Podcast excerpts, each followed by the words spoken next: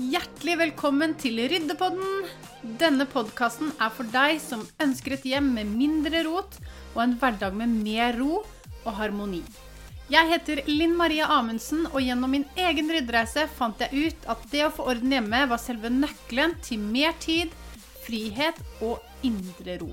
Og I denne podkasten deler jeg tips og triks og konkrete verktøy som vil inspirere deg til å starte din egen ryddereise sånn at du får en hverdag med mer tid til det du elsker, og etterlengtet ro i sjela. Til daglig hjelper jeg fantastiske mennesker med å få en ryddere hverdag gjennom medlemsportalen min Ryddeuniverset. Ryddeuniverset er for deg som ønsker å få orden på rotet ditt en gang for alle, og som ønsker å være en del av et inspirerende fellesskap hvor du får tett oppfølging, hjelp og heiarop hele veien. Du vil komme til å høre at jeg reklamerer for disse tjenestene i denne podkasten, sånn at det skal være enkelt for deg å vite hvor du finner meg hvis du skulle trenge litt ekstra hjelp underveis i ryddeprosessen. Sjekk gjerne ut ryddekonsulenten.no for å finne ut mer om hvordan jeg kan hjelpe deg best mulig. La oss hoppe inn i dagens episode.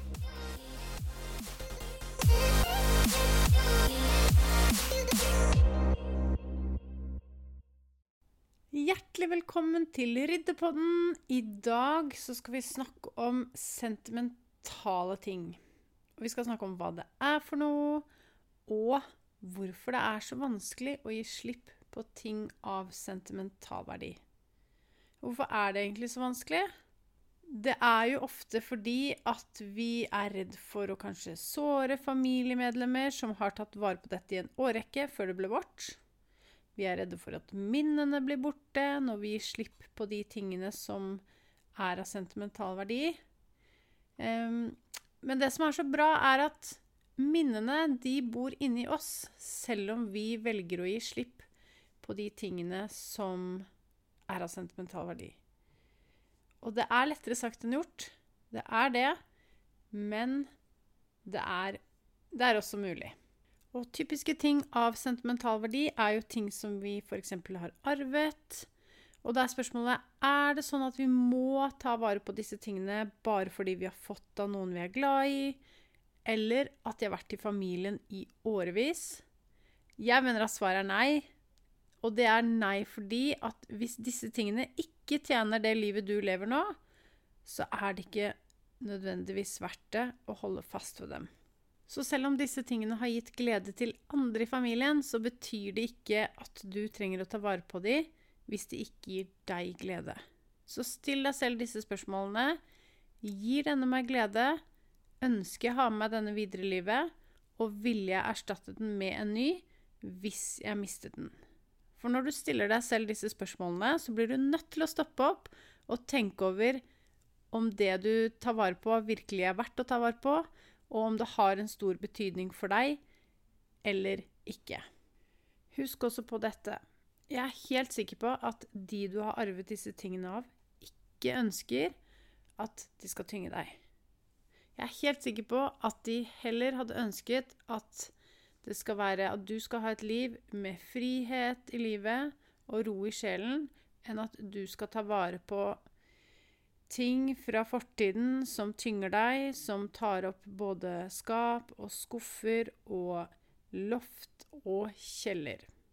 Og når det er sagt, så må du også kjenne etter selv hva som kjennes riktig for deg, men det kan i hvert fall være lurt å gå noen runder med deg selv og kjenne ordentlig godt etter om dette er noe som tynger deg, eller om disse sentimentale, sentimentale tingene er noe som gir deg glede. Andre eksempler på sentimentale ting kan f.eks. være koselige kort du har fått, eller bilder du har tatt vare på. Og når du går gjennom disse, så bør du eh, gjøre det i ro og mak når du har tid og lyst og overskudd til det. Fordi hvis dette er ting som betyr mye for deg, så er det sannsynlig at du kommer til å bruke tid på å gå gjennom det. Og du kommer helt sikkert til å måtte ta flere runder på det, nettopp fordi det er sentimentale ting, og at det kan være litt utfordrende å vite hva du skal ta vare på og ikke. Og det som også kan være lurt, er å først gå gjennom det én gang, og deretter tar du en pause på en ukes tid før du går gjennom det på nytt. Det hjelper å se på det med nye øyne, og du vil helt sikkert merke at det er ting som du tok vare på i den første runden, som du helt sikkert kan gi slipp på i denne runden. Og husk også, hvis du er helt i starten av din ryddereise, så er det lurt å vente med sentimentale ting. Rydding er en prosess, og det å gi slipp er en øvelsessak. Så hvis du kjenner at prosessen stopper opp fordi du ikke klarer å ta stilling til sentimentale ting, så er det bedre at du venter litt. Begynner med noe du syns er enklere først, og på den måten så får du øvd deg, og det blir da etter hvert lettere for deg å gå løs på disse sentimentale tingene etter hvert. Spør deg selv også dette spørsmålet. Hvorfor tar jeg vare på det? Er det fordi det gleder meg å ha det? Eller er det fordi jeg er redd for å såre noen? Vær ærlig med deg selv når du stiller disse spørsmålene, fordi det er først da du virkelig kan ta tak i det. Og så er spørsmålet har du ting av sentimental verdi, eller sånn type arvegods, som står og støver ned i loft, eh, på loft og kjeller. Da er mitt tips å enten begynne å bruke det og la det forsvinne, eller gi det videre til noen som kan få glede av det. Jeg har en liten historie i forhold til min mormors servise som sto på loftet. Jeg hadde flytta det fra kjelleren der jeg bodde før, i en sliten pappeske, og så flyttet jeg det videre opp på loftet, fortsatt i en sliten pappeske, opp på loftet her hvor vi bor nå. Og så tenkte jeg, hva er vitsen med at min mormors servise skal stå og støve ned i en sliten pappeske på loftet?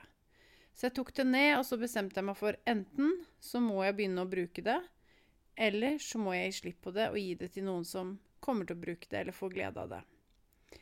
Og jeg bestemte meg i dette tilfellet for å begynne å bruke det, fordi at uh, det, var, det, er omtrent det eneste arvegodset jeg har igjen fra mormor, så for meg så var det veldig fint å kunne ta vare på det. Men det er veldig lurt hvis du har sånne ting stående i en sliten pappeske. Ikke la det stå der og bare støve ned. Ta det heller fram. Og sett, sett det fram hjemme hos deg hvis det gir deg glede, hvis du har lyst til å ta vare på det. Eller gi det videre til noen som faktisk kommer til å, å bruke det.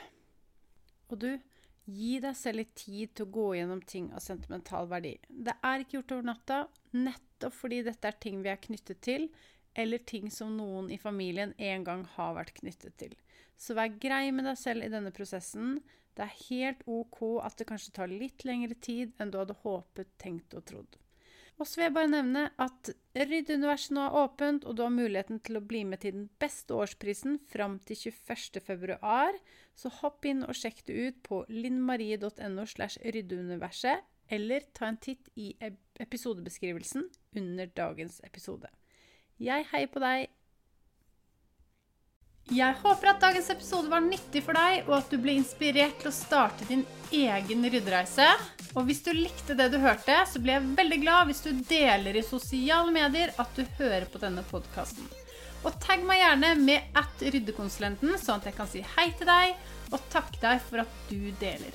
Du finner meg under navnet Ryddekonsulenten på Instagram, Facebook og TikTok. Og jeg vil bare si tusen takk for at du hørte på episoden, og lykke til med din ryddereise. Jeg heier på deg. Vi høres.